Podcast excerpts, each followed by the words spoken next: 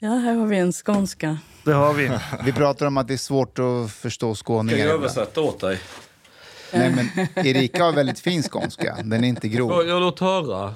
Vad... Ja, men jag är från Lund, så det är lite Ja, mer ja, det hör jag, det hör jag. Ja, det är skillnad på Lund och Malmö. Ja, ja, ja. Lund är ju lite mer akademikerstad, eller vad man ska säga. Den har lite finare skånska. ja, vi sa det innan. När jag Ser var man, tonåring, det var inte Malmö som var så intressant, det var ju Köpenhamn. Det var Right. dit man åkte. Mm. Någon gång ibland till Malmö kanske för att rulla hatt och vara lite rund under fötterna. Men det var ju... I Köpenhamn kunde man ju köpa hasch på gatan. Det var mycket roligare att åka till Köpenhamn ju. Kunde man det då också? Ja, ja, Christiania. Det var ju som ett uh, Ja, torg. fanns det då? Ja, men det var väl inte många år sedan det försvann. Alltså när vi Mm. åkte dit, man gick i gymnasiet. Mm. Det var ju som att gå på en eh, loppmarknad. Jag vet inte hur jag ska beskriva det. De har ju stånd liksom öppet och så kan du provsmaka olika strains. Ja, ja, och, jag har varit där. Ja. Jag har varit där och kollat. alltså det är ju Det var- familjer som bor där som vars Ja. barn har växt upp i Christiania. Ja, ja. Och, och, och struntar man, det kanske just där röka på så är Christiania väldigt, det är väldigt mycket konstnärer och lite speciella personligheter som bor där och det är väldigt kreativa människor. Så att det är som en egen liten ministad i staden. Kreativ och, det var väldigt bohemskt och så här hippie med kreativ och kreativ. Alla sålde Bob Marley t-shirts. Liksom. Det var, det var, Ja, för turismen ja. ja. Ja. men det var väldigt mycket där, köp en bong i glada färger och Ja. så här. Men det fanns, eh, de människorna som från början grundade Christiania, det var, Det gan- kan jag tänka mig. Det var Ja. ganska spännande personer, ganska intelligenta med. mm, det kan jag tänka mig. Jag vet min, min- min morsa var faktiskt kompis med en eh, som eh, var med och grundade Christiania när det drog igång. Jag kommer ihåg, jag var inte så gammal då, jag var 17 eller något, 18. Och, och eh, då hade hon gjort en forskning om intelligens.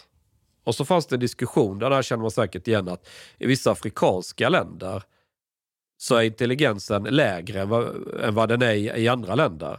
Men då hade hon vänt på hela saken och sagt att det är ju testet det är fel på. Vi testar ju utifrån en norm hur vi mäter intelligens utifrån vårt samhälle. Då har vi ju skapat testet därefter. Så hon hade gjort en ändring i det här. Att du får en praktisk uppgift istället. Du ska tälja något med en kniv eller du ska lösa en praktisk... Då var ju de mycket smartare istället. För att det är den, du förstår du vad jag menar? Att man liksom, och, och, och hon problematiserade hela den här grejen på ett väldigt snyggt sätt. Och det kommer jag ihåg vi hade en diskussion om. Och, och den tanten minns jag, hon var med och, och, och grundade Christiania.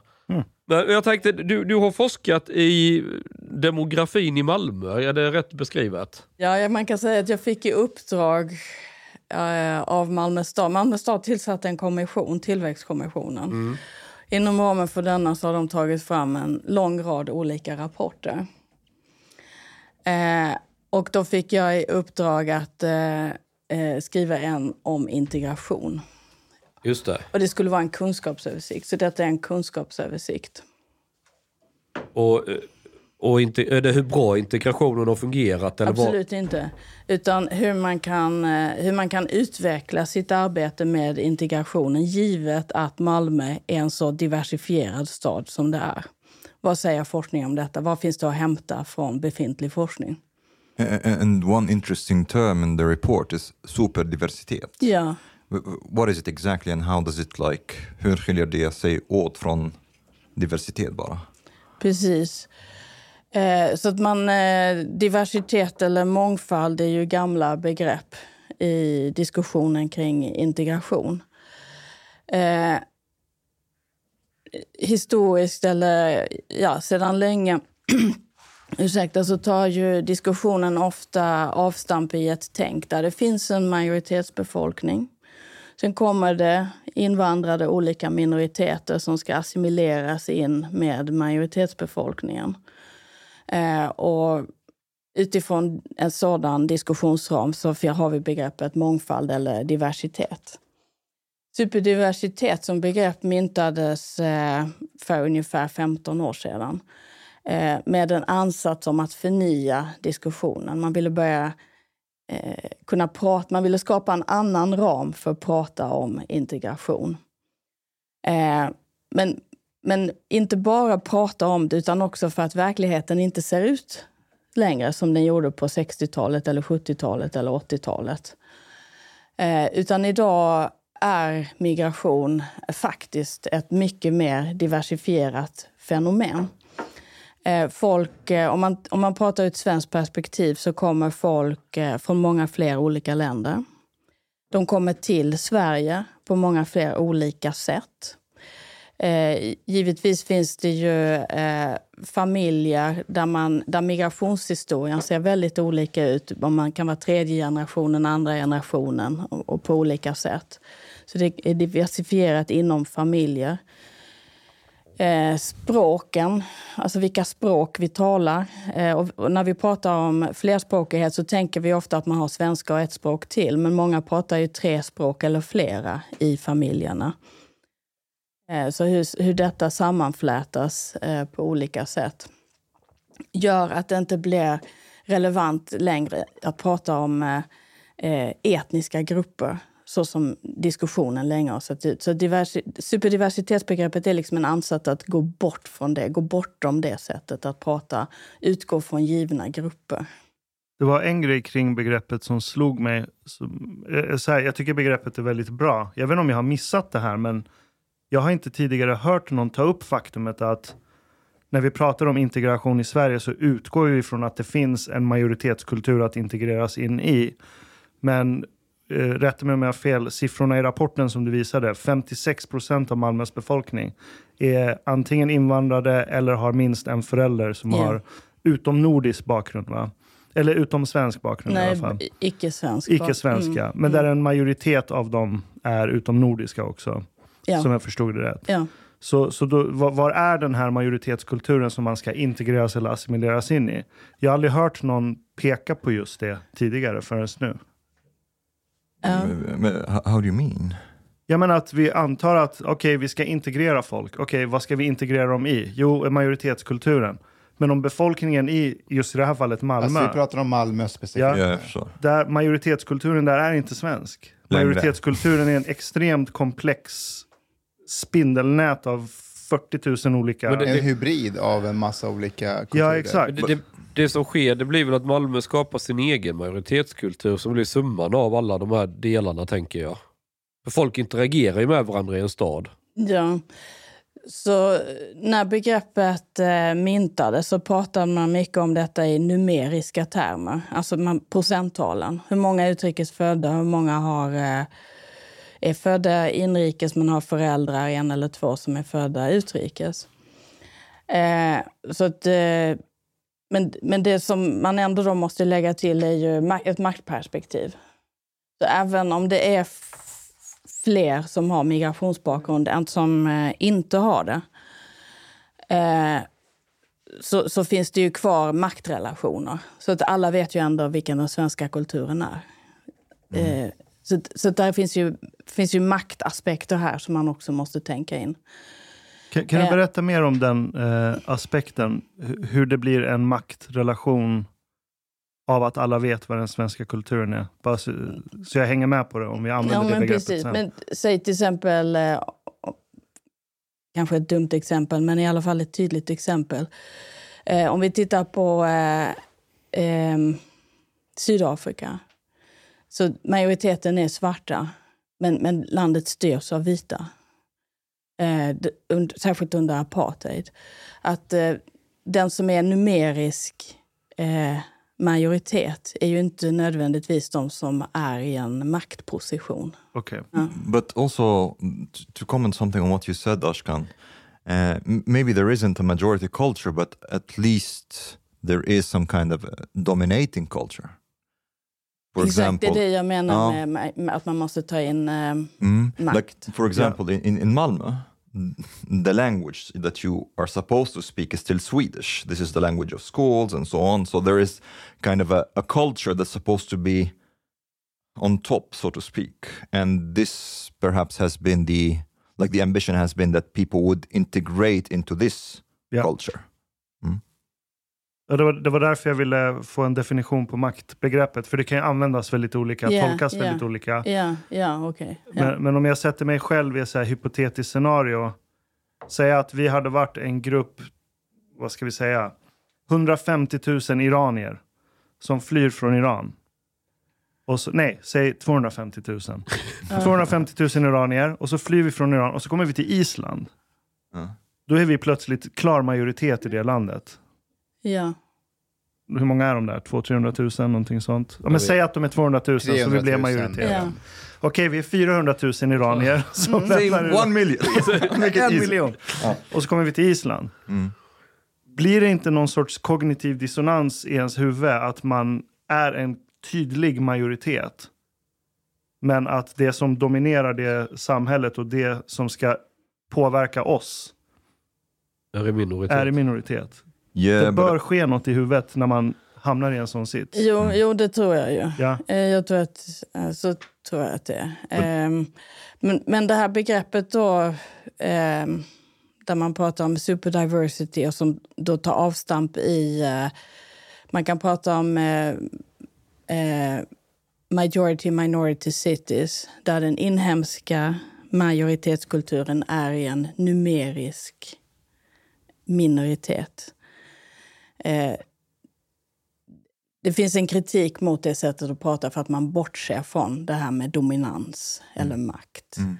Eh, och det finns de som hellre då vill kalla det för att det är städer utan numerisk majoritet. Ehm, ja.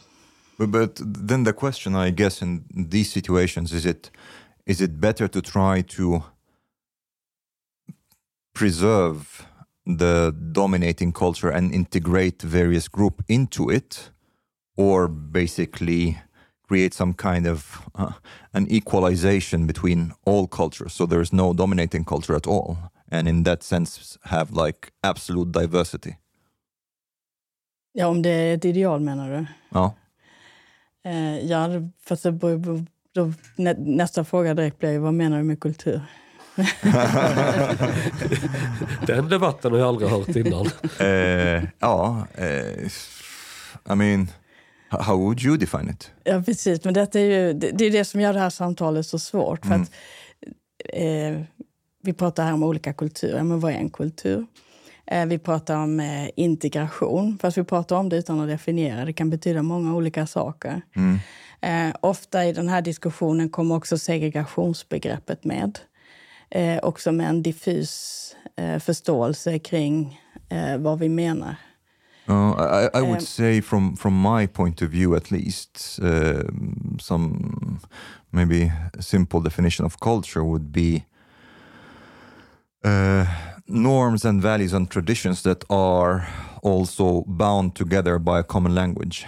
Um, this would be one definition, perhaps. Jag har Mm. sett en väldigt snygg defini- definition. Mm. Summan av mänsklig aktivitet. Den är väldigt But, uh, luddig. Ja, men det, allt människan gör är ju en del av vår kultur. Egentligen. Ja, det stämmer gör, förvisso, vad, ja, men- vad gör ja. vi som inte är en del av vår kultur? but then there is there is a universal monoculture in this sense. If if it's just Ja men det är det också. Om du är en alien som är född marsian och kommer och tittar på Sverige så kommer de ju upptäcka, ja men de är människor, de, det är den mänskliga kulturen. Oh, sen, sen kommer de ju se skillnaderna i Malmö, ja men det är olika subkulturer. Yeah, out of the Alltså det, det, perspective det, of det an beror ju på vilket perspektiv du tittar på egentligen. Men är vi överens om att det är svårdefinierat, det är jättesvårt att dra gränser, vart en kultur börjar, slutar. Men vi ser, när, det, när kulturer krockar, då blir det väldigt tydligt. Det kan vi se i alla fall.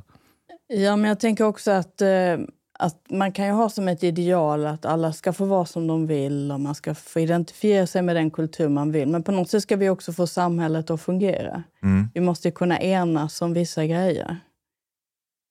Eh, om de demokratiska systemen, om de liberala värdena. Mm. Eh, då, blir det, då blir det ändå ganska snabbt mycket mer komplext att prata om det. But but out of this perspective, is it easier for societies that are culturally homogeneous to function, or cultures that are, or like societies that are multicultural to function?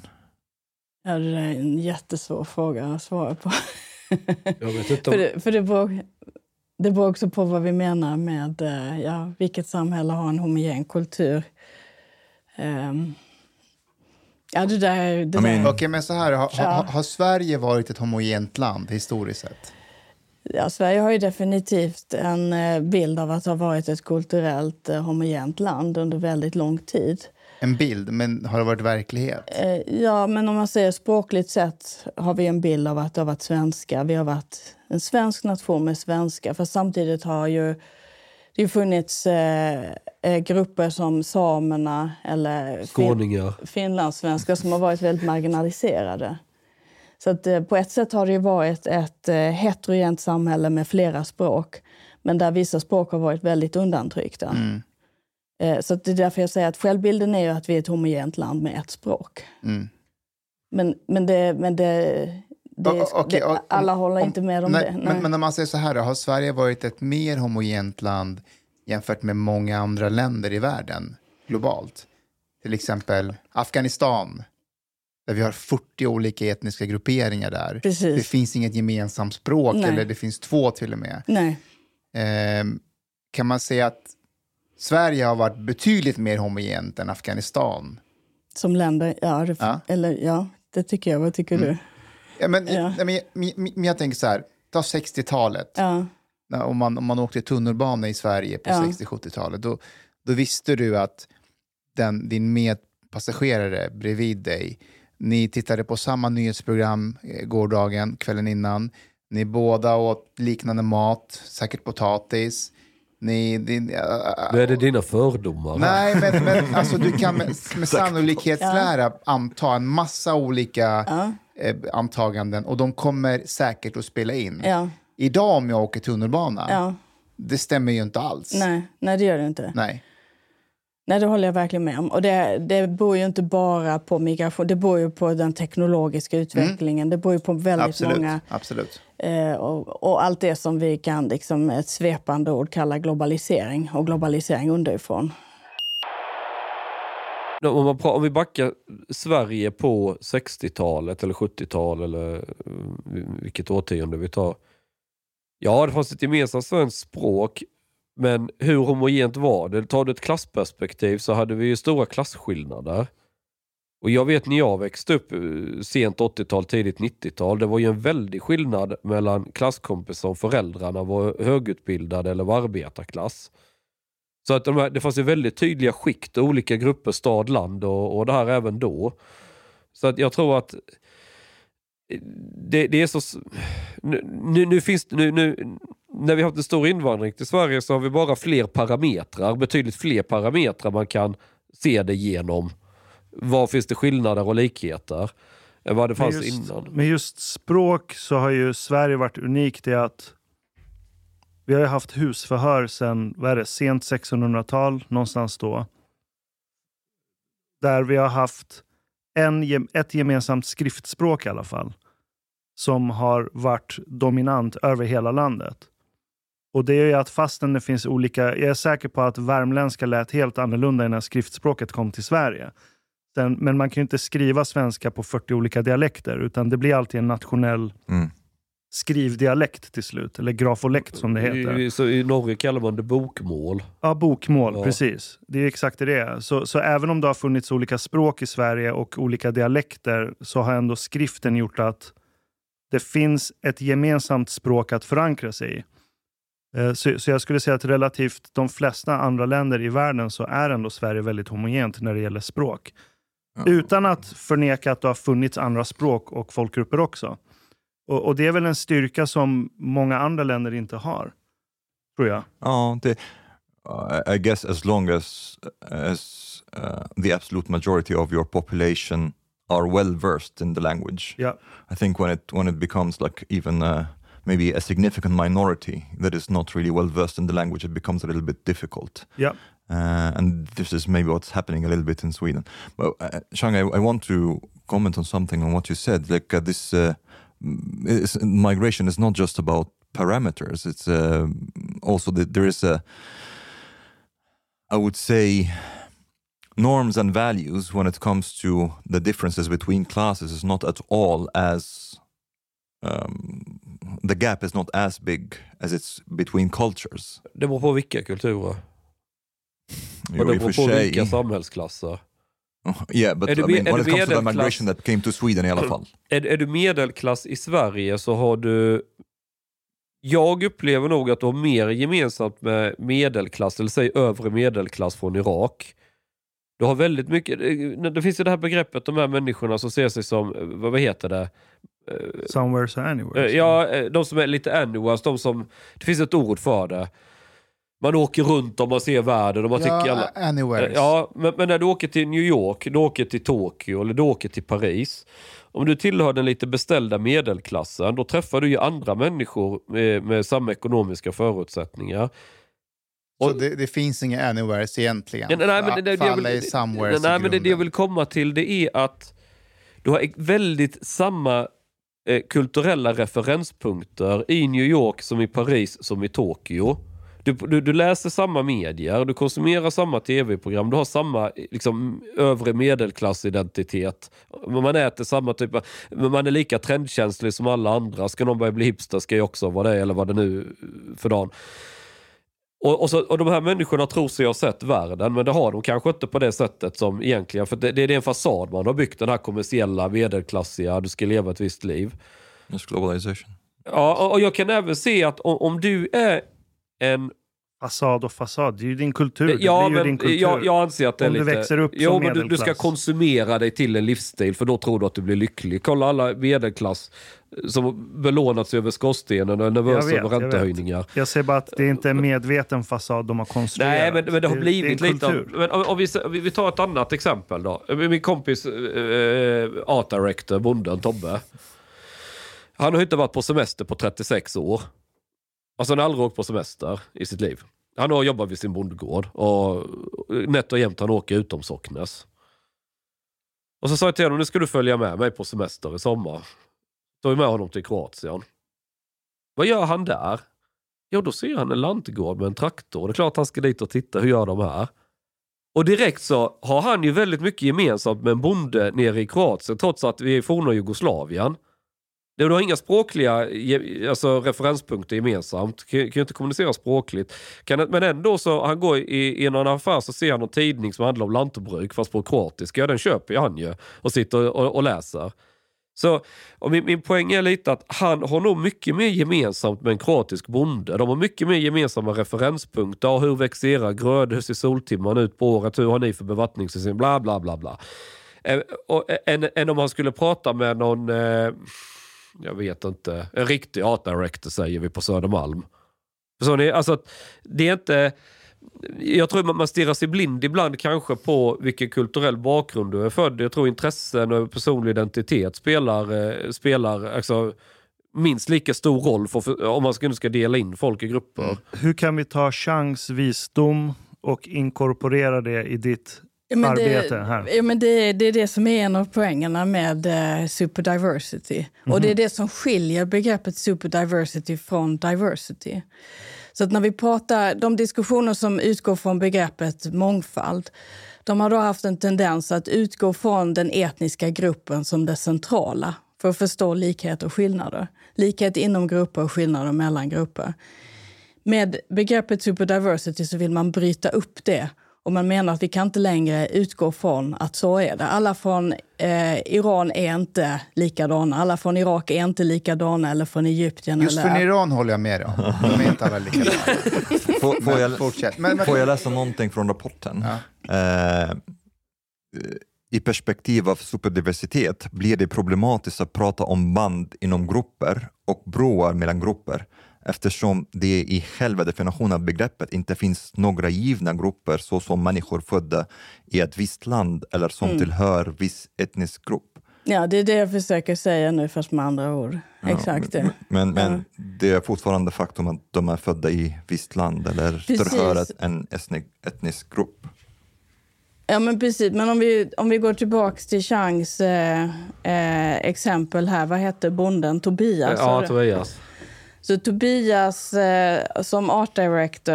Ja, jag, kallar det, jag, jag kallar honom, eh, det, det, det är ett skämt som, eh, ja, han är inte art director. Men, Men, men varje fall att, att den, det som är det kan bli det starkaste bandet eller det som blir den största likheten människ- mellan människor är inte per definition vilken etnicitet man har, utan det kan vara andra faktorer som blir den stora likheten.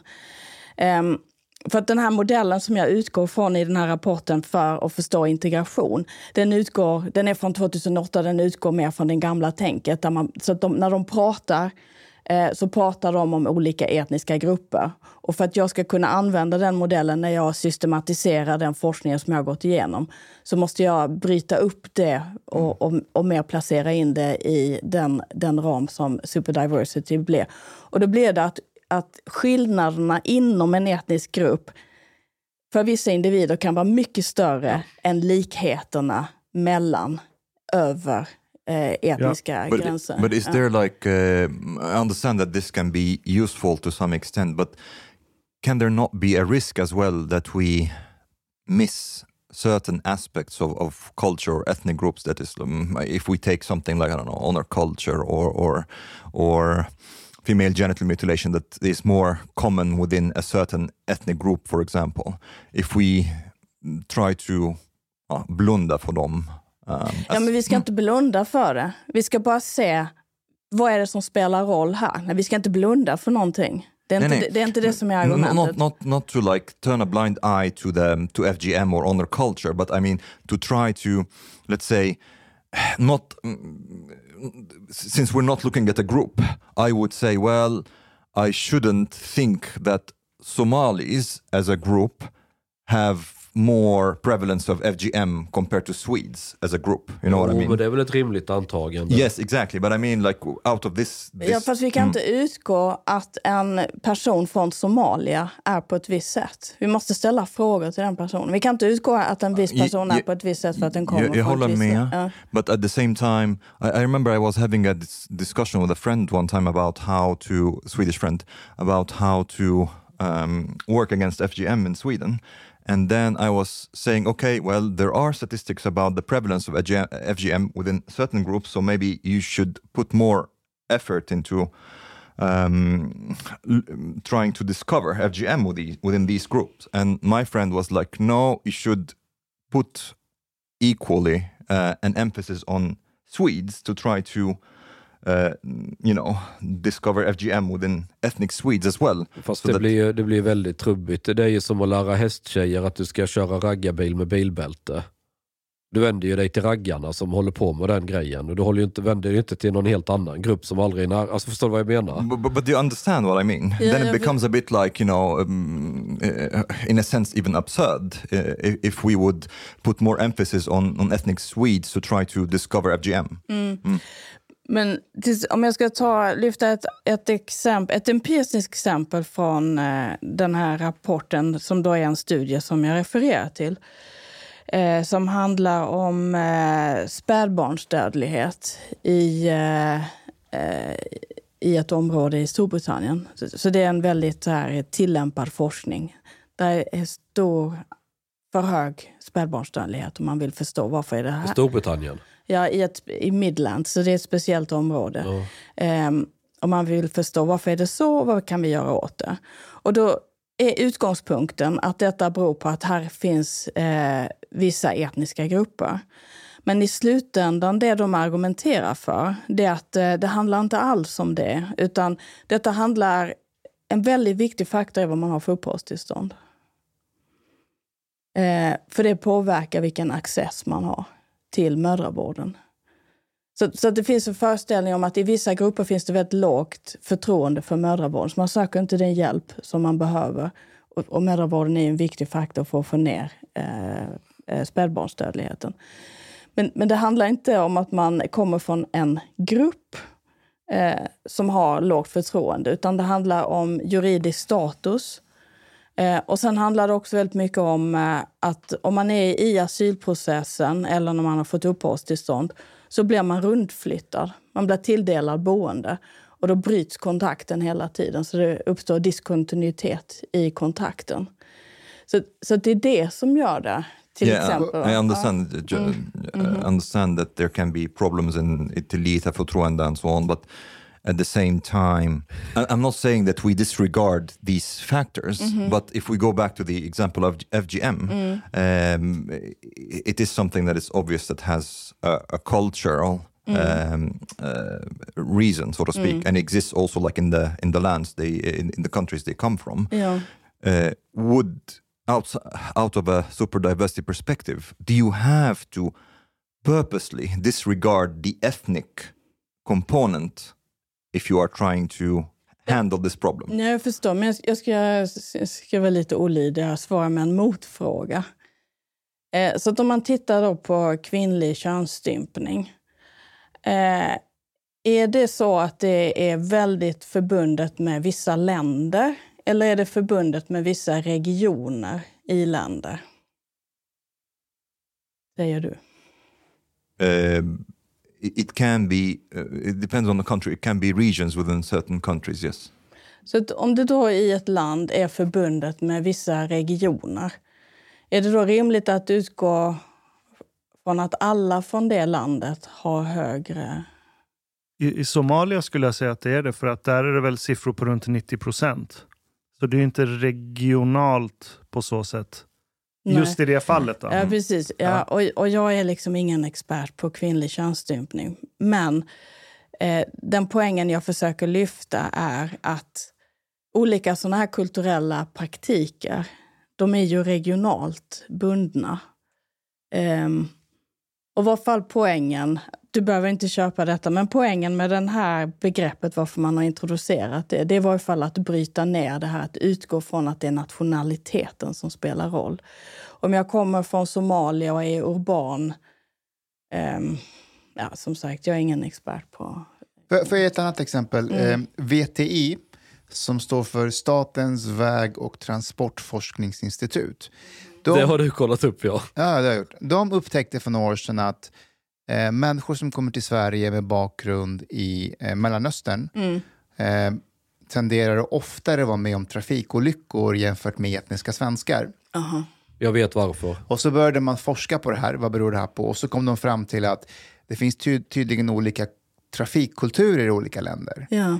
Så i Mellanöstern, i Iran till exempel, Katastrof. om du är inne i rondellen så ska du lämna väjningsplikt för den som ska in i Ja, rondellen. ja.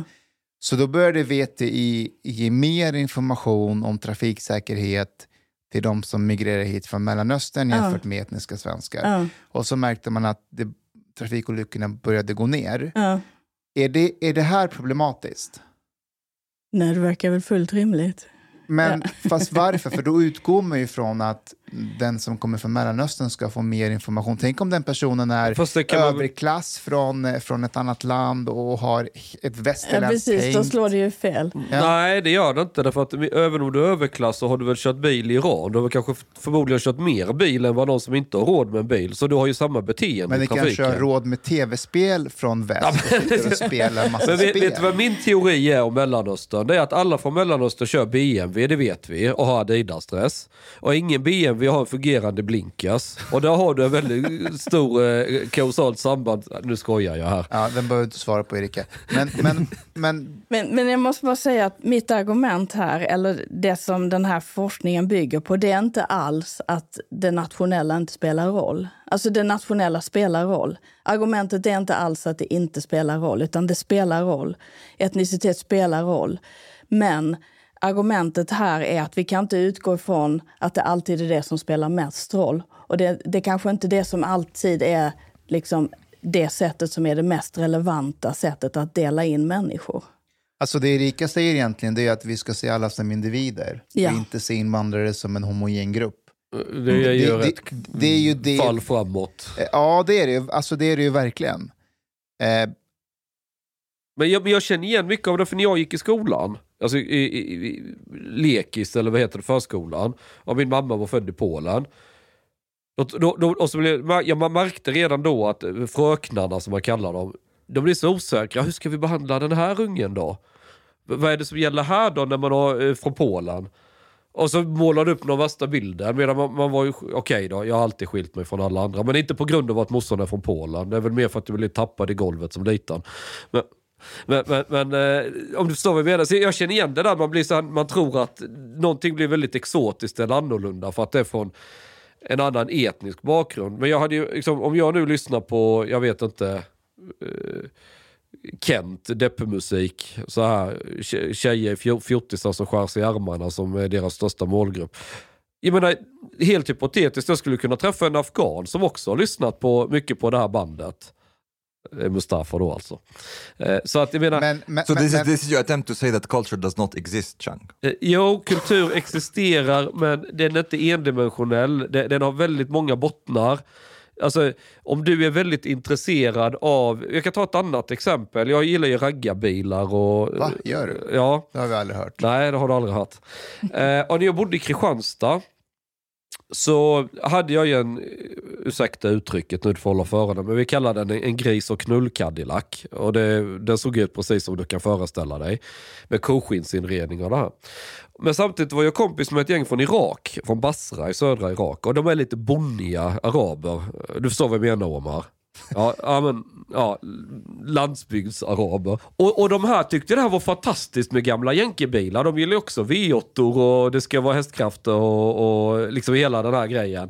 Tror du inte de sticker och köper en Ford Mustang i toppskick från eh, sent 50-tal eller något? De hade den finaste raggarbilen av alla. Sen är det var de här raggarträffarna, då har vi alltså ett gäng som spelar Eddie Meduza och är sketfulla och det står i baksätet så här skratta inte Svensson, din dotter kan ligga i baksätet.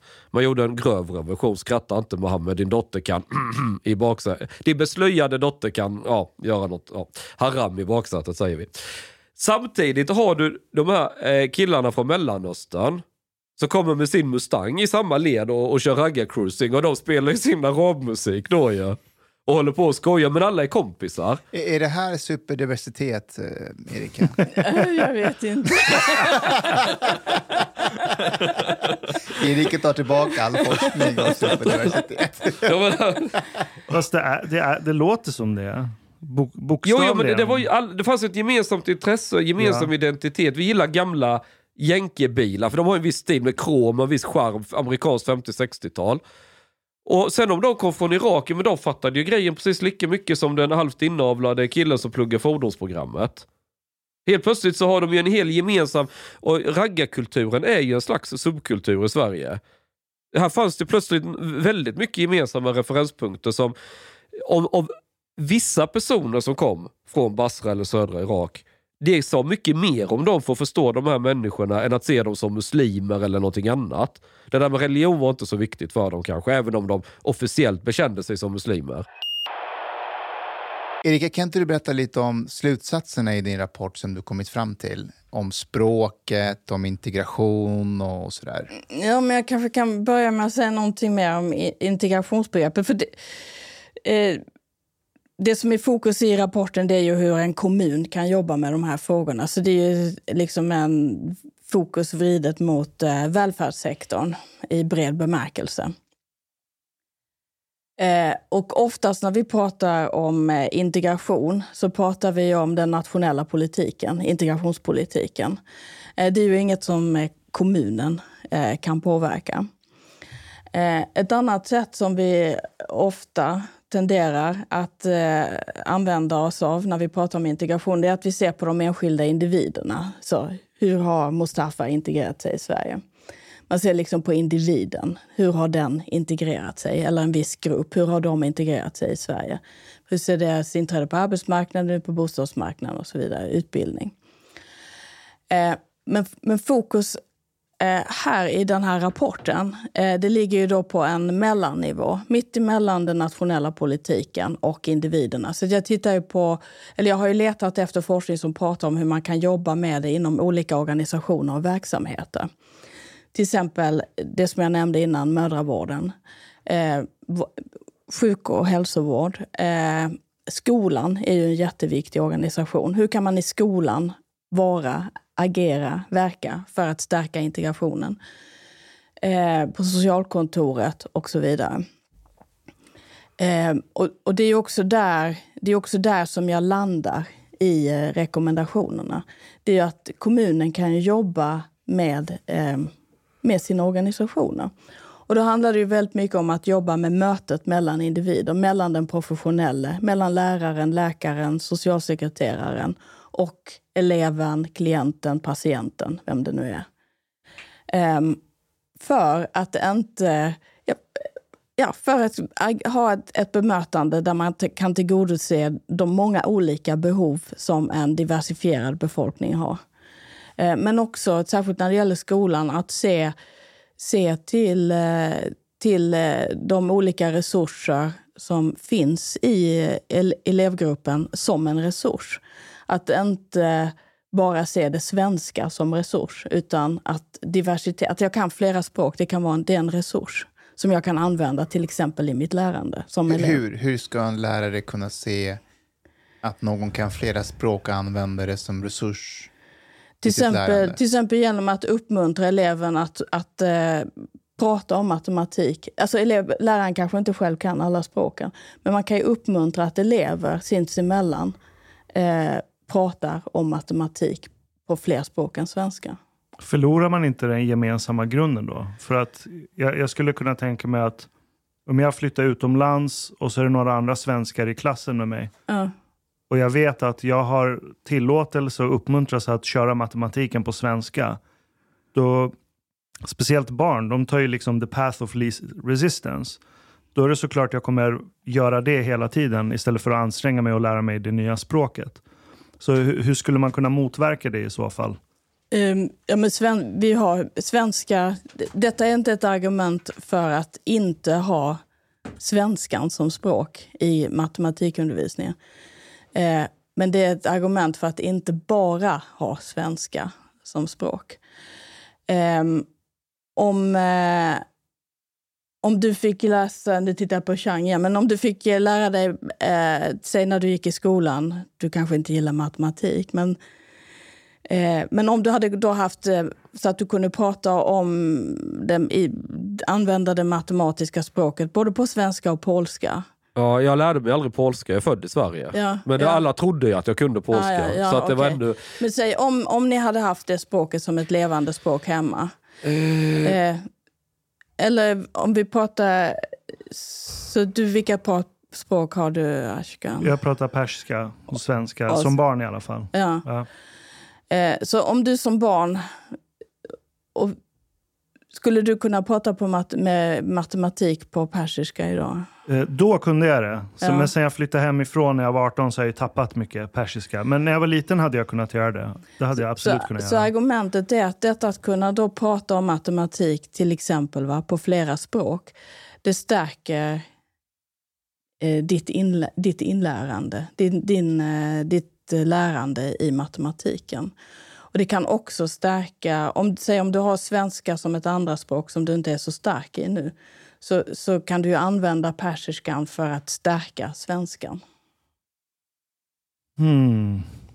Har det här att göra med, för jag vet att barn som inte, som kommer hit kanske när de är tre, fyra säger vi. Eller nej, barn som föds här och inte lär sig sitt modersmål Mm. har mycket svårare att lära sig svenska sen också. Eh, Mm. Det där vet jag är ett fenomen som man har Mm. observerat. Men jag förstår inte i mitt fall. Jag lärde mig svenska väldigt fort för att vi kom till Ekerö. Så jag Mhm. växte upp på Ekerö. Vi, Mm. vi var liksom tre personer som inte var från Sverige. Där. Mm. Och Vi lärde oss svenska väldigt fort.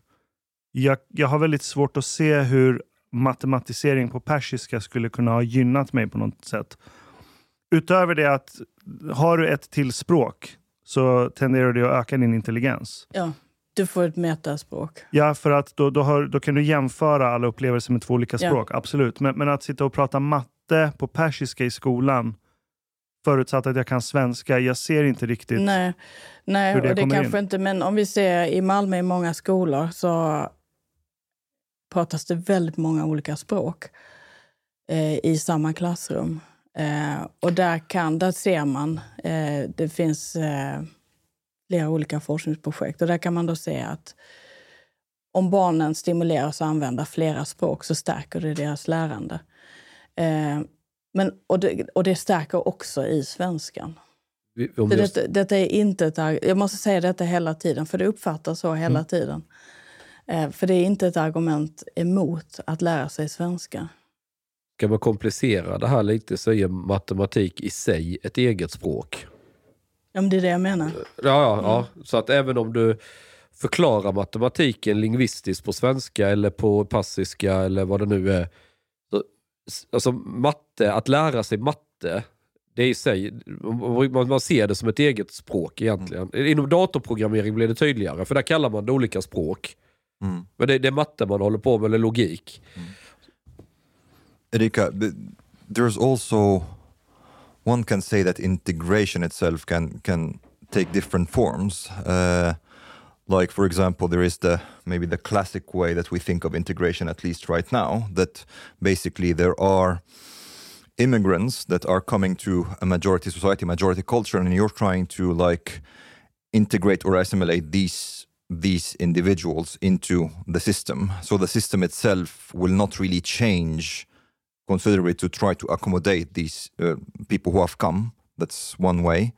Another way is that maybe the system adjusts itself or changes in order to accommodate people that who have come. But even there, there can be two forms. One is that actually you change in in uh, almost permanently in your norms and values and, and the way to think, uh, and basically shift closer, maybe perhaps to to the cultures that have come to Sweden.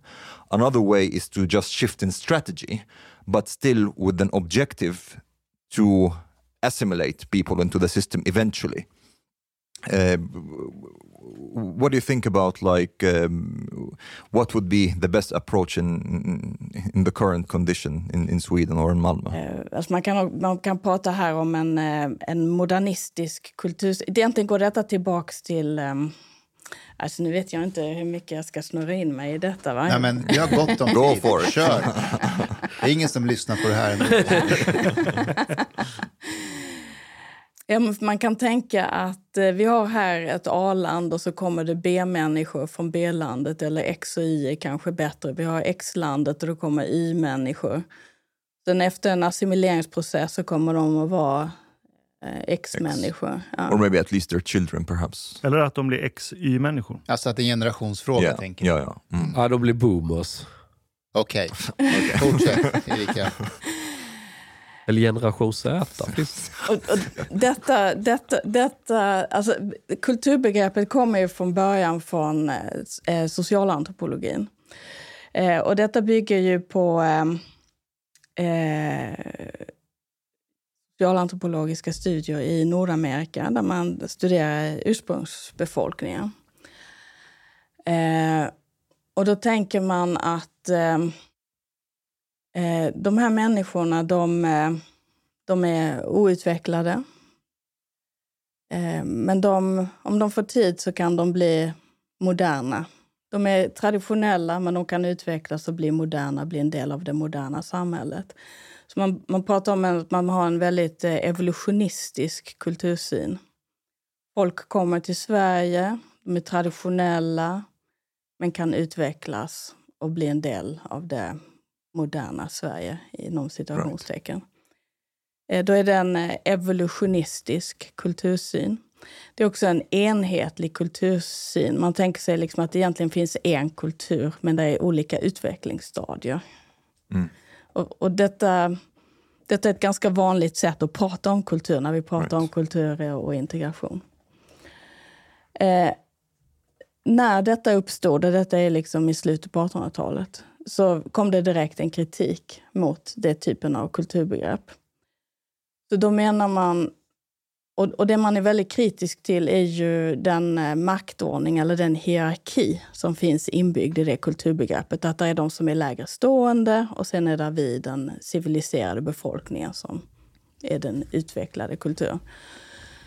Eh, och då menar man att eh, så är det inte alls, utan vi är olika. Så då pratar man mer om en relativistisk kultursyn. Så att eh, de är som de är och vi är som vi är och vi är olika. Så vi har en relativistisk kultursyn. Eh, och, då, och där kan vi då prata om kulturkrockar. Och där är liksom, kultur är något inneboende i människorna. Eh, så detta är en, en, ett pluralistiskt kulturbegrepp. Vi pratar om flera olika kulturer som är essentiella. Så det är också ett essentialistiskt kulturbegrepp. Det är som du är, jag är som jag är. Eh, Chang eh, som norra Skåne är. Norra Skåne, snapphanar. Får, får jag flicka, eller Ja, men för, för detta är liksom två grunda, det är liksom grundläggande, detta är på ett abstrakt plan, va? men det är liksom grundläggande skillnader i hur man tänker kring kultur. Man brukar väl säga att, att Tyskland i någon, under no, vissa tidsepoker var en högkultur. Det kom, I historieböckerna ja. nämns det ju de som det. Ja, det, ja men, men då, då, säger man ju samtidigt att andra var lågkultur. Ja. Men, ja. Men, men, men, och sen då från 60-talet eh, någon gång, så då inom samhällsvetenskapen så kommer ju allt detta som vi kallar socialkonstruktivism. Där vi, och då blir kulturbegreppet något som man gör.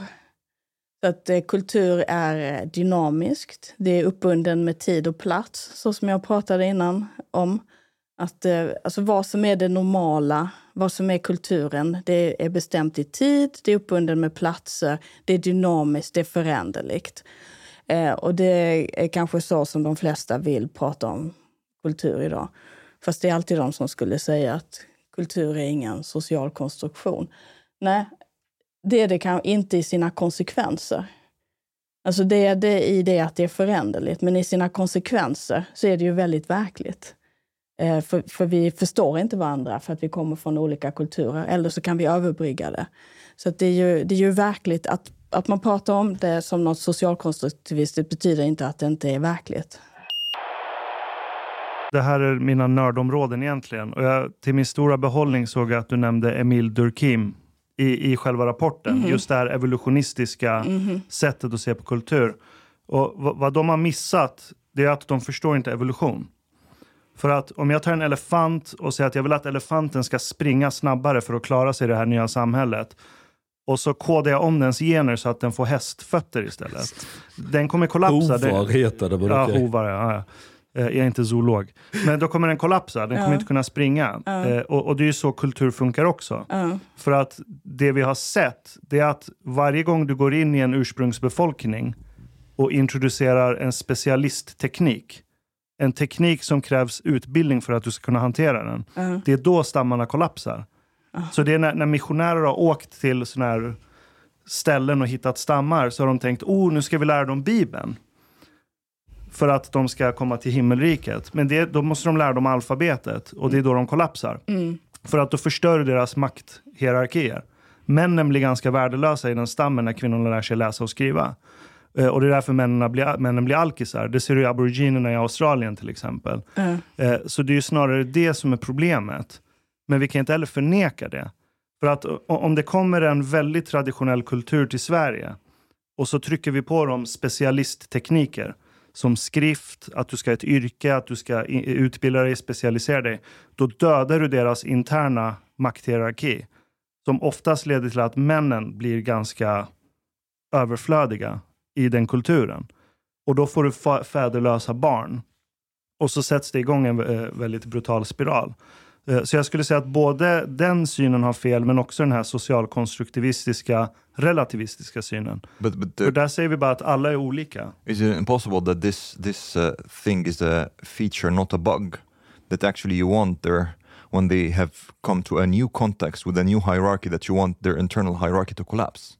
Jo, och, och det är det jag tror vi måste erkänna att det kommer vara väldigt traumatiskt för vissa grupper. Om vi vill ha det här, som jag förstod att du också är enig om, att vi behöver någonting gemensamt vi kan stå på. Eh, och, och ska du klara det i Sverige måste du anamma den här specialistsynen på ditt yrkesliv. Du måste lära dig läsa och skriva.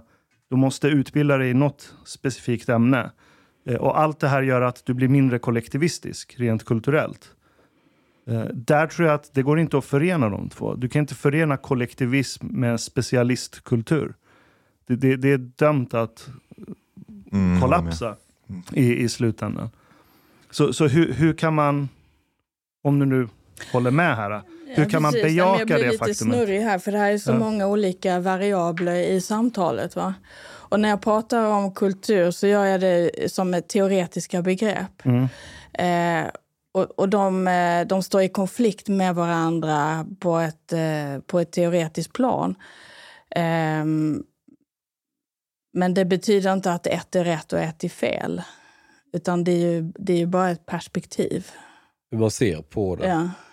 Jag, jag håller med om att det inte bara finns ett rätt. Det finns säkert flera sätt att approacha det här på. Eh, Men till syvende och sist, om vi tittar på vilka människor som det går sämst för när det gäller att komma in i samhället. Där kan du se en jättetydlig korrelation till hur pass kollektivistisk ur, ur, grundkultur de har med sig. Den korrelationen är väldigt, väldigt tydlig. Skulle jag säga.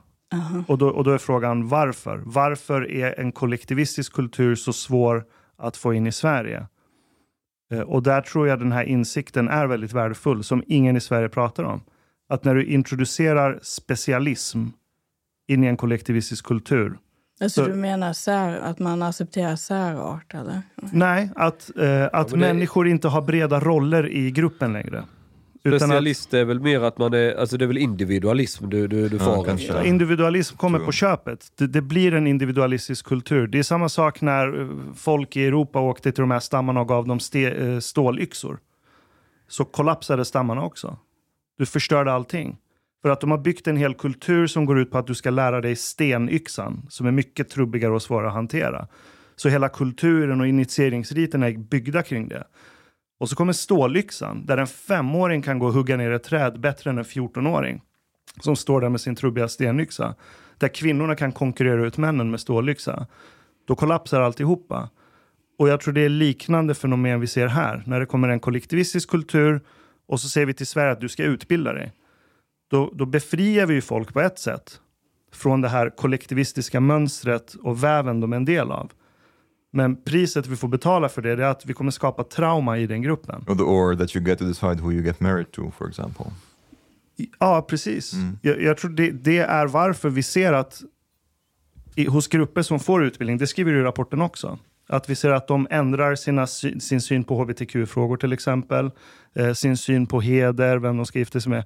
Alla de här sakerna ändras så fort de kommer i den här fåran av specialisering. Det är där det sker. Eh, specialisering. Lära Alltså sig läsa och skriva, få en utbildning. För då befriar du dig från din, ditt kollektiv. Right? Om du har en egen lön och du står på egna ben. Mhm. Det är väl lite det utbildning är makt. Du ger de här mer makt än vad de skulle ha om de stannade kvar i den tidigare sociala du ger dem en rollen. annan sorts makt. Ja, Och de förlorar en annan makt på köpet. Right? Och hur, hur kan man bejaka det här genom att se på det, vad ska vi säga, att ha med sig superdiversitet som jag gillar som begrepp eh, och den här eh, eller socialkonstruktivistiska synen på kultur. Fast om... om ku- Låt Erika tänka lite på det. Okej.